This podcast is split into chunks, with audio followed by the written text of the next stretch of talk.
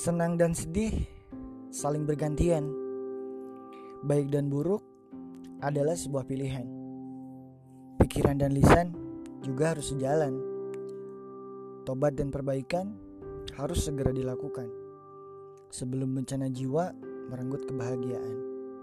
Semua berjalan sesuai dengan lintasannya di atas ketetapan Sang Maha Pencipta. Iri dan dengki hanya mengotori hati, meracuni jiwa, membuat nalar menjadi dangkal. Renungan merupakan lentera jiwa, menghadirkan pintu-pintu kesadaran akan perbaikan. Tidak bisa dipungkiri, cinta dunia lalaikan hati, lupa bahwa ajal sudah kian dekat menanti.